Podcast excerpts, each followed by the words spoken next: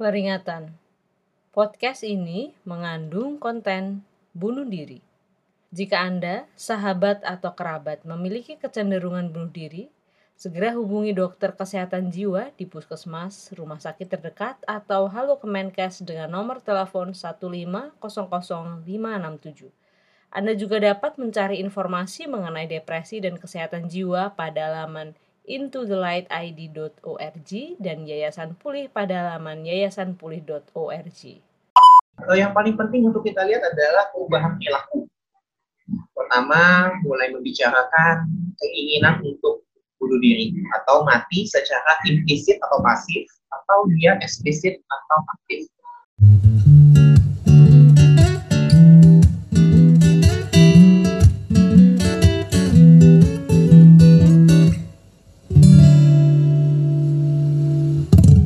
Relatif Perspektif Podcast adalah podcast yang bertujuan menjadi jembatan agar masyarakat luas paham akan isu kesehatan. Visi kami supaya kesehatan tidak lagi eksklusif hanya dibicarakan mereka yang menggeluti profesi sebagai tenaga medis saja. Episode baru akan terbit setiap hari Minggu. Temukan kita lebih jauh di Instagram at relatif.perspektif. Perkenalkan, saya Dr. Sheila Putri Sundawa, klinisi dan pemerhati isu kesehatan masyarakat yang akan memandu jalannya podcast ini. Dengarkan sampai selesai karena di setiap akhir episode ada rekomendasi film dan buku dari kami.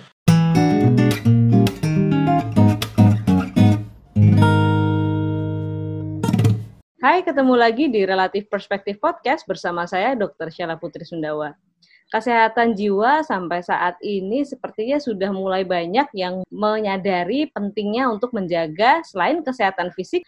Nah, salah satu masalah yang cukup besar dalam kesehatan jiwa adalah tingginya orang yang melakukan bunuh diri dan untuk saat ini di Indonesia sendiri lebih dari 10.000 kematian disebabkan oleh bunuh diri. Menurut WHO di seluruh dunia lebih dari 800.000 orang meninggal dunia karena bunuh diri. Nah, untuk memahami lebih lanjut mengenai apa sih risiko-risiko yang bisa menyebabkan seorang melakukan, kita akan tanyakan pada ahlinya ada Mas Beni Prawira Syau yang juga founder dari Into the Light adalah salah satu komunitas yang berfokus pada pencegahan bunuh diri di Indonesia. Halo Mas Beni. Halo Dok Sheila. Halo semuanya yang pendengar di sana. Iya, Mas Beni terima kasih ya sudah mau bergabung dan sudah menyempatkan hadir Into the Light sendiri. Tujuan pertama kali Mas Beni sampai mendirikan Into the Light itu apa sih, Mas? Ya, tujuan pertamanya memang waktu itu karena temanku ada yang bercerita ya ibaratnya biasalah waktu itu masih psikologi terus jadi tempat ceritanya teman-teman dan gue ya salah satunya kok mulai menunjukkan tanda-tanda yang agak beda nih gitu ya. dia udah mulai bilang kayak kayaknya capek dengan hidup terus juga kayaknya lebih enak hati aja segala macem gitu terus saat itu aku pun sebagai mahasiswa psikologi nggak nggak paham gitu. Gimana ya cara nanganin ini gitu kan. Uh, dan saat itu pun pemikiranku juga masih sangat awam sangat stigmatis bahkan gitu kan ya. Uh, dalam pemahaman bahwa oh mungkin mungkin cuma cari bantu cari panjang aja atau mungkin gimana. Akhirnya aku berusaha nyari-nyari nih informasi tentang diri. Lalu yang aku temukan saat itu di tahun 2012 ternyata informasi bunuh diri dalam bahasa Indonesia itu sangat sedikit. Dan kebanyakan itu dalam bahasa Inggris. Andai kan ada dalam bahasa Indonesia, bahasanya itu susah banget dipahamin dengan bahasa yang awam gitu ya. Istilah-istilah psikologi banget lah yang kita atau misalnya kayak psikoanalisis banget gitu yang katasisnya lah, apanya lah gitu. Nah, eh, dari sanalah aku berpikir merefleksikan bahwa kalau aku aja yang mahasiswa psikologi nggak paham. Ya. Apalagi orang awam apalagi orang awam yang mungkin sulit berbahasa Inggris gitu kan. Nah makanya itu saat itu mulai kepikiran sih gimana ya caranya gitu. Meningkatkan kesadaran tentang diri gitu. Dan ya akhirnya mulai deh belajar belajar cari info terus mulai memperhatikan berita-berita saat itu. Bunuh itu gimana sih di Indonesia? Kok kita nggak data ya? Segala macam. Nah uh, dari sana juga aku akhirnya nemu kalau berita online bunuh diri itu tentang kematian bunuh diri ya itu tuh sangat sebenarnya nggak dibilang sangat jarang sih. Ada aja setiap minggu gitu. Andai kan memang ada satu minggu satu dua minggu break tapi nanti beberapa minggu kemudian ada lagi gitu. Dan itu bisa sekali dua kali atau bahkan beberapa kasus ya tiga kali dalam satu minggu gitu. Nah itu kan yang akhirnya, oh oke, okay, ternyata masalahnya lebih besar daripada yang saya pikirkan ya. Dan akhirnya di tahun 2013 aku baru tahu ternyata ada hari pencegahan bunuh diri sedunia yang jatuhnya pada 10 September. Nah, dari 10 September itu akhirnya kepikiran lah untuk bersama-sama dengan rekan-rekan untuk bikin satu seminar gitu tentang pencegahan bunuh diri. Karena yang pas aku ngecek segera pencegahan bunuh ada nggak ya di Indonesia ya ternyata adanya buat psikiatri aja gitu. Nah uh, untuk awalnya gimana nih? Nah akhirnya aku berusaha bikin bersama teman-teman dari berbagai kampus waktu itu terus dilaksanakannya justru di Sekolah Tinggi Teologi Jakarta waktu itu dan disambut oleh saat itu Pak Pendeta Stephen Suleman yang berusaha untuk mengangkat isu ini sebagai bagian dari kelompok marginal dan akhirnya ya naiklah jadi seminar tanggal 4 September 2013 pas kami lagi bikin posternya kami promosikan waktu itu lewat Twitter juga dengan akun yang berbeda dengan yang sekarang. Karena waktu itu ya akunnya khusus untuk seminar itu aja tadinya kami pikir eh ternyata banyak yang reach out dan yang reach out juga di luar Jawa lagi. Eh di luar Jakarta sorry ada di Surabaya. Waktu itu ada di Bali terus kayak ya udahlah kita coba konek-konekin dulu deh sama psikolog yang ada di sana gitu. Nah uh, tapi kami akhirnya mikir bahwa nggak mungkin nih kita ya semua yang menyelesaikan masalah ini gitu kan. Dan nggak mungkin satu seminar bisa menyelesaikan semuanya dengan segera. Jadi ya kita harus fokus supaya dari seminar ini kita follow up lagi kita bentuk komunitas jangan cuma jadi panitia seminar sekali dilempar. Dan jadilah si Into the Light itu uh, sebagai komunitas untuk orang muda yang memang fokusnya di pencegahan bunuh diri dan peningkatan kesehatan jiwa. Oke, jadi berangkatnya dari masalah dari orang terdekat ya Mas ya sebenarnya. Ya. Dan akhirnya setelah uh, menjadi seminar banyak yang uh, menyambut dengan baik, akhirnya menjadi sebuah komunitas tersendiri gitu ya Mas ya. Yes. Nah, kalau di permasalahan yang sekarang nih di Indonesia hmm. kan sebenarnya kasusnya banyak banget ya Mas ya yang tadi Mas sebut bahkan setiap minggu kalau mau nyari itu ada gitu. Dan kalau data yang terakhir kalau nggak salah di Indonesia itu lebih dari 10 ribu kematian kan tadi disebutkan itu karena bunuh diri sebenarnya. Hmm. Sebenarnya kenapa sih mas seseorang itu bisa memiliki pikiran uh, bunuh diri gitu? Apakah dia itu sebenarnya harus depresi dulu gitu atau ada pemicu dalam dirinya kah, lingkungannya ataukah memang bawaan lahir atau gimana sih mas sebenarnya? Ya, kalau kita melihat dari bidang keilmuannya, psikologi itu, bidang pencegahan bunuh dirinya, kita selalu melihat bahwa masalah ini tuh gabungan dari biological, psychological sampai sosialnya dan ini semua setiap faktor resikonya, setiap masalah dan pelindungnya juga itu berkembang secara dinamis semasa perkembangannya hidupnya dia. Misalnya gimana? Misalnya dia dibully di umur dia masih SMP, secara psikologis mungkin dia belum terlatih untuk menangani bullying itu bagaimana menanggapinya dia jadinya lebih cenderung untuk nangis, depresif, terus berpikir saya yang memang jelek, terus berpikir mungkin resiko bunuh dirinya cukup tinggi di saat itu. Tapi begitu dia udah dewasa, mungkin dia akhirnya berusaha coping dengan bullying itu dengan cara memikirkan kok ya itu cuma bercandaan kok biasa aja lah gitu. Jadi udah mulai menganggap sesuatu itu sebagai ya udahlah gitu. Atau mungkin dia justru oke okay, kalian boleh menyakiti saya tapi saya bisa bangkit kok Nah, itu kan berarti dari faktor sosial sama psikologisnya aja tuh udah berinteraksinya udah beda cara tuh. Ada dari perbedaan umurnya dia. Nah, itu belum lagi nanti ngomongin biologisnya yang kita tahu ada temuan terkait genetik, terus terkait dengan otak segala macamnya gitu. Nah, itu yang akhirnya yang membuat bunuh diri itu menjadi satu masalah yang sangat kompleks. Didekati oleh ilmuwan, memang kebanyakan ilmu-ilmu psikologi ini yang berusaha menjelaskan apa yang terjadi di balik itu semua. Pemikiran bunuh diri misalnya dari semua interaksi kompleks-kompleks itu membentuk rasa sakit dan keputusasaan. Itu yang memunculkan adanya si bunuh, pemikiran bunuh diri. Ini berdasarkan teorinya Sikorski, kalau kita bilang David, David Korski dan teman-temannya dari BC. Nah, itu mereka berusaha menjabarkan terkait pemikiran bunuh dirinya. Nanti untuk berkembang ke tahap dia semakin parah sampai ke titik perencanaan lebih mendetail itu ada faktor yang kita bilang dengan connectedness. Connectedness itu keterhubungan bukan cuma ke support system orang di sekitarnya, tapi juga keterhubungan ke makna hidup, ketujuan hidup. Dia masih ada nggak hal-hal yang pengen dia kejar? Dia masih ada nggak hal-hal yang dia membuat dia bertahan hidup sejauh ini hingga hari ini. Kalau dia masih punya itu, kemungkinan pemikiran bunuh dirinya masih bisa terhandle. Tapi kalau dia tidak punya itu semua, tercerabut dari itu semua, maka pemikiran bunuh dirinya semakin tinggi.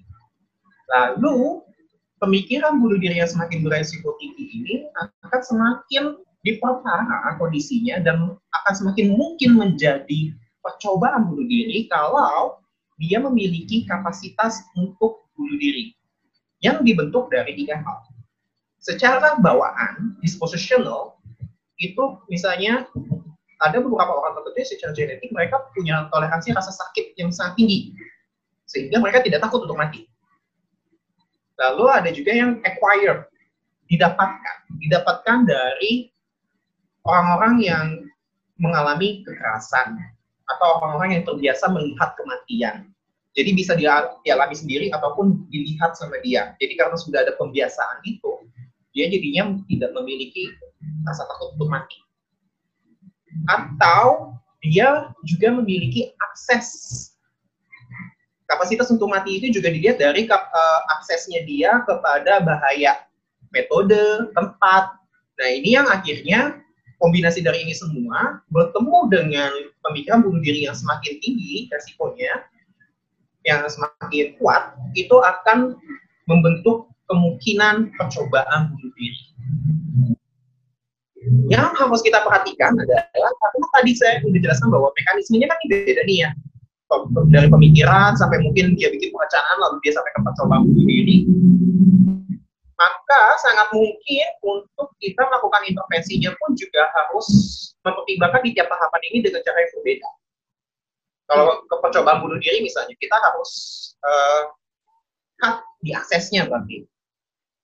Kalau di pemikiran bunuh diri berarti kita harus mengurangi yang rasa sakit dan hopelessness-nya itu. Kurang lebih kayak begitu penjelasannya terkait dengan uh, perilaku bunuh diri dan resiko-resiko dan mekanismenya.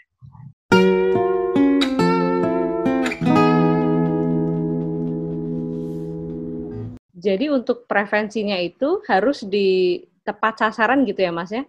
Lagi ada di fase mana sehingga yes. nanti apa yang kita lakukan uh, bisa pas gitu efektif untuk uh, supaya dia nggak lebih lanjut lagi ke fase-fase yang selanjutnya gitu. Mulai dari pemikiran sampai ke percobaan gitu ya mas ya?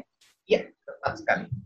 Nah um, untuk bunuh diri sendiri, apakah sebenarnya kalau kan sering nih dengar kalau di masyarakat itu dibilangnya kalau orang tuanya atau ada saudaranya yang punya riwayat bunuh diri, nanti biasanya tuh bisa nurun gitu. Nah itu benar nggak sih mah pemikiran seperti itu bahwa kalau misalnya itu ada keturunan kah yang bisa menyebabkan terjadinya berulang lagi di uh, saudaranya atau keluarganya yang lain. Nah, maka apakah mungkin itu perlu dilakukan pencegahan sejak dini gitu, Mas? Penjelasannya banyak. Jadi uh, ada penjelasan yang pertama adalah karena dia menyadari adanya kehilangan tersebut, dia merasakan duka yang sangat mendalam dan duka dari mereka ini keluarganya itu sangat kompleks bahkan dibandingkan dengan duka dibunuh ataupun misalnya duka akibat penyakit atau misalnya kematian lainnya lah. Udah gitu kena stigma. Jadi dukanya aja udah kompleks banget, prosesnya ditambah lagi dihambat, berat lagi gitu. Akhirnya resiko bunuh ini juga cukup tinggi. Bisa aja kepikiran dirinya saya pengen nyusul. Penjelasan berikutnya adalah karena faktor genetik menentukan kerentanan dia. Namun, karena biasanya tinggal satu keluarga itu satu rumah rumah fisik dan sosialnya, maka faktor resiko sosialnya juga nambah ke faktor genetiknya. Sehingga merentangkan karena bukan semata-mata karena dukanya, tapi lebih karena mereka berada dalam konteks lingkungan yang sama. Jadi memang banyak sekali yang harus kita lihat dulu nih ketika kita bicara mengenai diturunkan. Jadi dari perspektif yang mana nih yang mungkin lebih tepat terutama kalau kita mendengarkan dari klien ya, itu kan pasti akan sangat personal sekali. Jadi sebenarnya kompleks juga mas ya, nggak cuma karena mungkin itu riwayat sosialnya, tapi juga uh, adanya duka yang juga dirasakan akibat kehilangan dari orang terdekatnya tersebut ya mas ya. ya. Saya jadi ingat pernah baca bukunya Haruki Murakami yang Norwegian Wood ada satu tokohnya di situ yang akhirnya uh, memil um, akhirnya juga melakukan bunuh diri karena mantan pacarnya itu uh, riwayatnya seperti itu gitu. Jadi I see, yeah, yeah, ya. Jadi sebenarnya itu ada uh, banyak hal PR-nya Mas ya. Berarti tidak hanya orang yang um, melakukan bunuh diri itu, tapi juga keluarganya yang um, ditinggalkan atau orang-orang terdekatnya yang ditinggalkan yes. ya Mas ya itu yang kita bilang sebagai suicide postvention. Langkah setelah adanya kematian. Ah, Oke, okay. baik. Nah, kalau dari penjelasan Mas Beni dari uh, dari yang tadi sudah dijelaskan mengenai faktor-faktor yang bisa akhirnya memicu dari pemikiran, kemudian sampai akhirnya kemudian melakukan uh, melakukannya percobaannya tadi itu, bagaimana sih cara kita bisa mengidentifikasi sebagai orang awam yang tidak uh, terlalu paham masalah psikologi untuk meng mengakses nih kecenderungan pada tiap-tiap orang yang uh, terdekat di kita gitu, Mas? Ya yang paling penting untuk kita lihat adalah perubahan perilaku. Pertama, mulai membicarakan keinginan untuk bunuh diri atau mati secara implisit atau pasif atau dia eksplisit atau aktif. Yang implisit gimana? Dia bilang saya ingin tidur dan gak bangun-bangun lagi. Saya capek dengan hidup. Saya berharap saya nggak dilahirkan. Saya berhenti dari eksistensi ini itu implisit. Sesuatu yang mengharapkan berhentinya kehidupan. Yang secara eksplisit atau aktif pemikiran bunuh diri itu sudah bilang saya ingin mati. Saya sudah merencanakan kematian ini sampai ke titik bla bla bla bla bla bla nya. Dengan apa, gimana, apanya, gitu, itu dan kepikiran sebenarnya. Itu yang perlu kita perhatikan. Mau dia ditulis di media sosial ataupun dia di diucapkan secara langsung atau bahkan dibentuk dalam bentuk cadangan, coba kita tanyakan ada apa sampai ke ucapan hal seperti itu. Lalu ada lagi tanda-tanda lainnya yang mungkin mirip sama gejala depresi ya, uh, dengan menarik diri dari orang, terus juga mulai membenci diri, menghujat dirinya sendiri, merasa segala sesuatu itu salah dia, menjadi beban bagi orang sekitarnya, hal seperti itu. Lalu ada lagi yang uh, dia melihat masa depan itu kayak nggak ada gitu. Atau antara dia melihat nggak ada masa depan, dia melihatnya masa depan itu pasti akan lebih buruk. Nah ini yang perlu perhatikan betul. Karena bisa jadi itu juga beriringan dengan tujuan hidupnya sudah hilang. Nah ini yang harus kita terus perhatikan, dia masih ada alasan nggak seenggaknya untuk bertahan bukan cuma tujuh. Kalau tujuannya memang udah nggak ada. Lalu uh, berikutnya adalah perilaku pewarisan.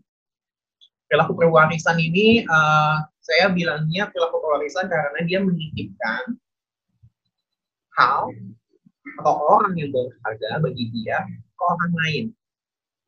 Ini yang perlu diperhatikan betul. Entah tiba-tiba dia nitip uh, si kucing kesayangannya misalnya gitu ya. Atau mungkin dia menitipkan benda yang sangat dia sayang atau dia tiba-tiba bilang eh kamu jagain pacar gue ya kalau gue kalau gue kenapa-napa gitu.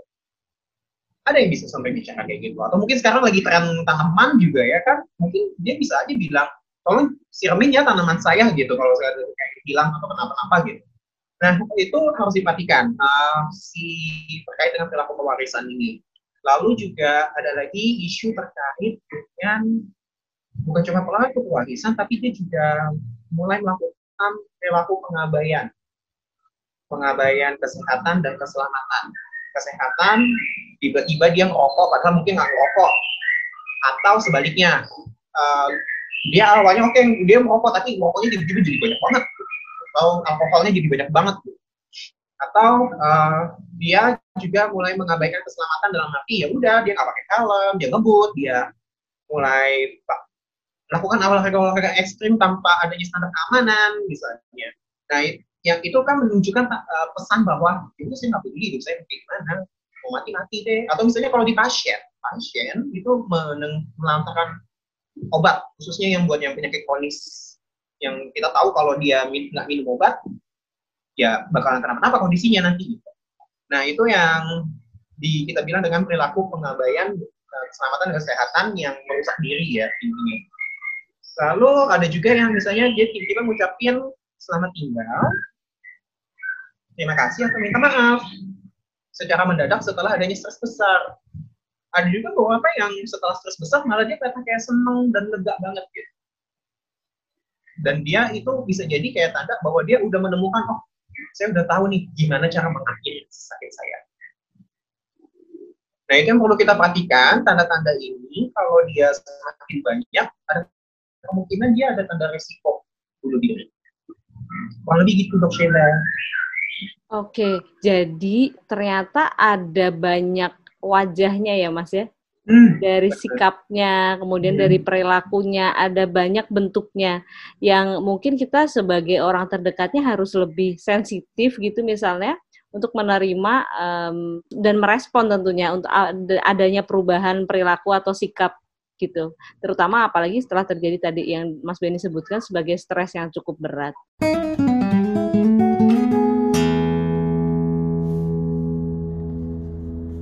Agak sulitnya nih Mas, kita kalau misalnya ngomongin atau mau mengidentifikasi lebih awal gitu pada orang terdekat kita adalah misalnya di era media sosial sekarang yang mungkin kita jarang ketemu, terus uh, banyak kan yang uh, mengupload tentang uh, pikirannya, bahkan mungkin ada yang sampai menunjukkan usaha bunuh diri tersebut. Sementara kita sendiri kadang juga bingung, ini tuh sebenarnya apakah masih dalam tanda yang tadi harus kita waspadai atau bahkan karena banyaknya orang yang melakukan seperti itu jadi berpikir bahwa mungkin ini jangan-jangan cuma cari perhatian. Nah, gimana sih mas sebenarnya kita harus um, bisa nggak sih itu keduanya dibedakan kayak gitu mas? Ya sebenarnya lebih baik untuk kita overestimate daripada underestimate dalam kasus ini karena hubungannya udah nyawa ya. Gitu Betul. Gitu kan. Jadi uh, lebih baik ya udah overestimate aja deh kalau andai kan kita salah toh dia selamat. Daripada kita underestimate lalu kita anggap ah kamu capek kamu udah coba lakuin aja lah kalau kamu benar pengen mati gitu kan. Iya, sehingga dia orang yang underestimate kan ngomongnya kayak gitu ya stigmatis gitu mendorong justru malah bukannya mencegah.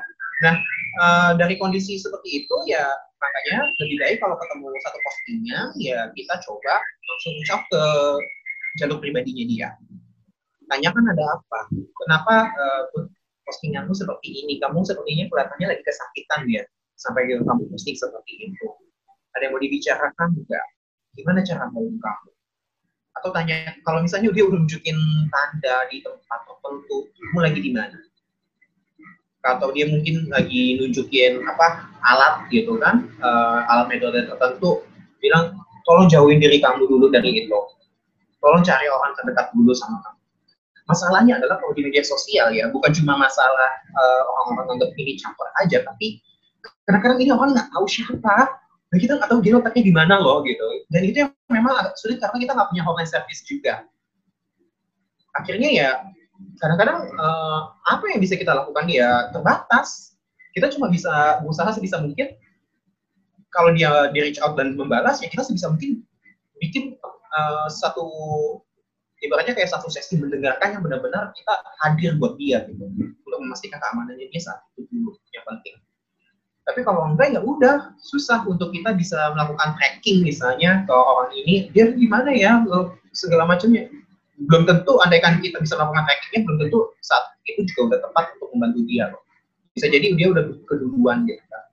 Itulah kenapa uh, aku pikir ya pentingnya juga sih kalau kita punya online services atau mungkin ya semacam reach out gitu ya untuk membantu proses ibaratnya pencegahan bunuh diri di level masyarakat ini. Kalau dari apa namanya online service yang tadi uh, Mas Beni contohkan, sebenarnya idealnya seperti apa sih Mas? Yang harusnya ada misalnya dengan adanya media sosial ini gitu? Uh, setiap media sosial sebenarnya udah mereka melakukan kerjasama dengan pihak hotline masing-masing negara. Karena nggak ada di Indonesia, jadinya mereka nggak bisa lakukan itu. Sayangnya. Yeah. Jadi uh, the only thing that we can do adalah melakukan reporting supaya uh, si konten yang mungkin dia melakukan melakukan sesuatu terus menunjukkan ya kontennya itu mungkin triggering juga buat orang lain ya. Jadi kita ibaratnya menyelamatkan orang lain dulu nih. Habis itu reach out ke dia untuk menyelamatkan dia. Jangan dibikin, di, jangan di reply supaya nggak naik terus menerus dan akan memak, makin meresiko meningkatkan resiko dia untuk dibully juga kan. Jadi ya itu yang bisa kita lakukan reach out, reply, reach out, do not reply and report. Sisanya itu benar-benar di luar kendali kita. Dan kalau memang uh, ya saya sih berharap banget bisa ada semacam comment service yang bisa langsung connecting ke layanan kesehatan terdekat ya supaya bisa membantu dia ini gitu dan kalau bisa ada ambulans untuk khusus untuk krisis bunuh diri juga itu akan jauh lebih baik. Oke, itu kayaknya cita-cita uh, ke depannya ya Mas ya. Mudah-mudahan nih dalam jangka waktu dekat sudah. bisa ada online service-nya yang bisa mendekatkan lebih mudah dan menjangkaunya juga lebih mudah. Tadi sudah dibahas sedikit sama Mas Beni tentang bagaimana berita-berita atau mungkin di postingan di media sosial yang bisa men-trigger orang lain yang sudah memiliki kecenderungan untuk bunuh diri, untuk ikut atau mengcopycat gitu istilahnya. Sebenarnya seperti apa sih seharusnya orang orang-orang membicarakan atau memberitakan supaya orang yang sudah punya pikiran ke arah sana itu tidak malah terpicu, malah berpikir oh malah ingin mengikuti, mencontoh caranya gitu. Gimana sih Mas seharusnya kita bisa membicarakan hal seperti ini? Ya, uh, dalam pemberitaan kita mengenal ada dua efek ya yang terkait dengan konten video. Pertama adalah weather effect Weather effect ini yang menciptakan copycat suicide tadi. Kontennya yang seperti apa sih weather effect ini? Dia eksplisit. Metodenya disebutkan. Kalau tempat, alamatnya disebutkan. Terus uh, segala macam dosisnya atau apanya gitu itu di detailkan banget lah gitu. Ibaratnya jadi orang semua orang tahu gitu gimana caranya sampai ke titik kematian itu dengan metode dan tempat tersebut bisa. Nah, yang berikutnya selain si metode asumsi tunggal. Jadi seolah pencetus terakhirnya itu disebab di, menjadi penyebab tunggalnya.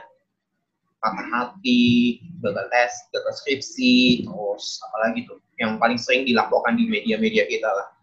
Nah itu uh, akan membuat orang yang memiliki masalah serupa jadi ke-trigger. Oh ya udah gimana?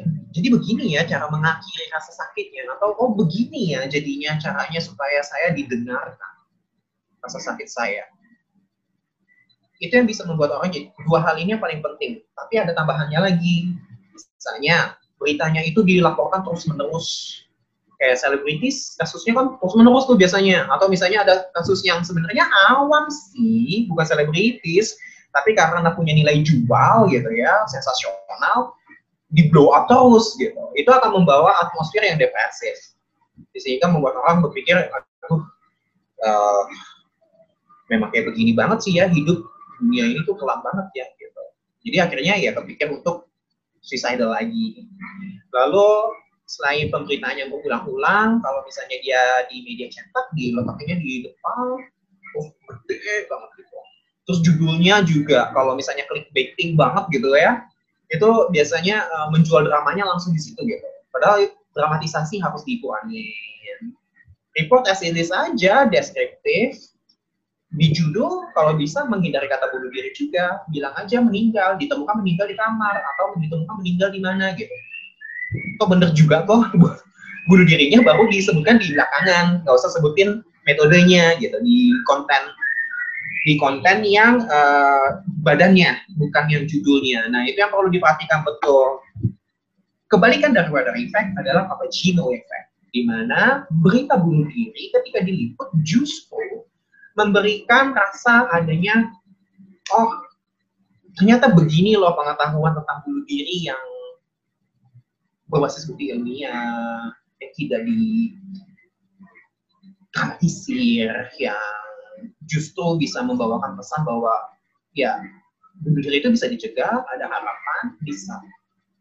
Ada pemulihan gitu. Kompleks juga. Cappuccino Effect akan memberikan itu dan mendorong pembacanya di bawahnya itu akan ada kayak semacam disclaimer bahwa kalau kamu butuh bantuan itu ke mana itu yang bisa dilakukan dengan potential effect Jangan lupa, kalau kalian suka dengan episode podcast ini, follow podcast kita dan share ke teman-teman kalian yang lain supaya mereka juga bisa mendapatkan manfaat seperti yang kalian juga dapatkan. Jangan lupa juga untuk follow Twitter saya at Oxfara. Di situ kalian bisa mendapatkan banyak info kesehatan dan juga update setiap episode barunya Relatif Perspektif Podcast. Di Instagram kita juga ada di relatif.perspektif. Sampai ketemu di episode selanjutnya. Bye!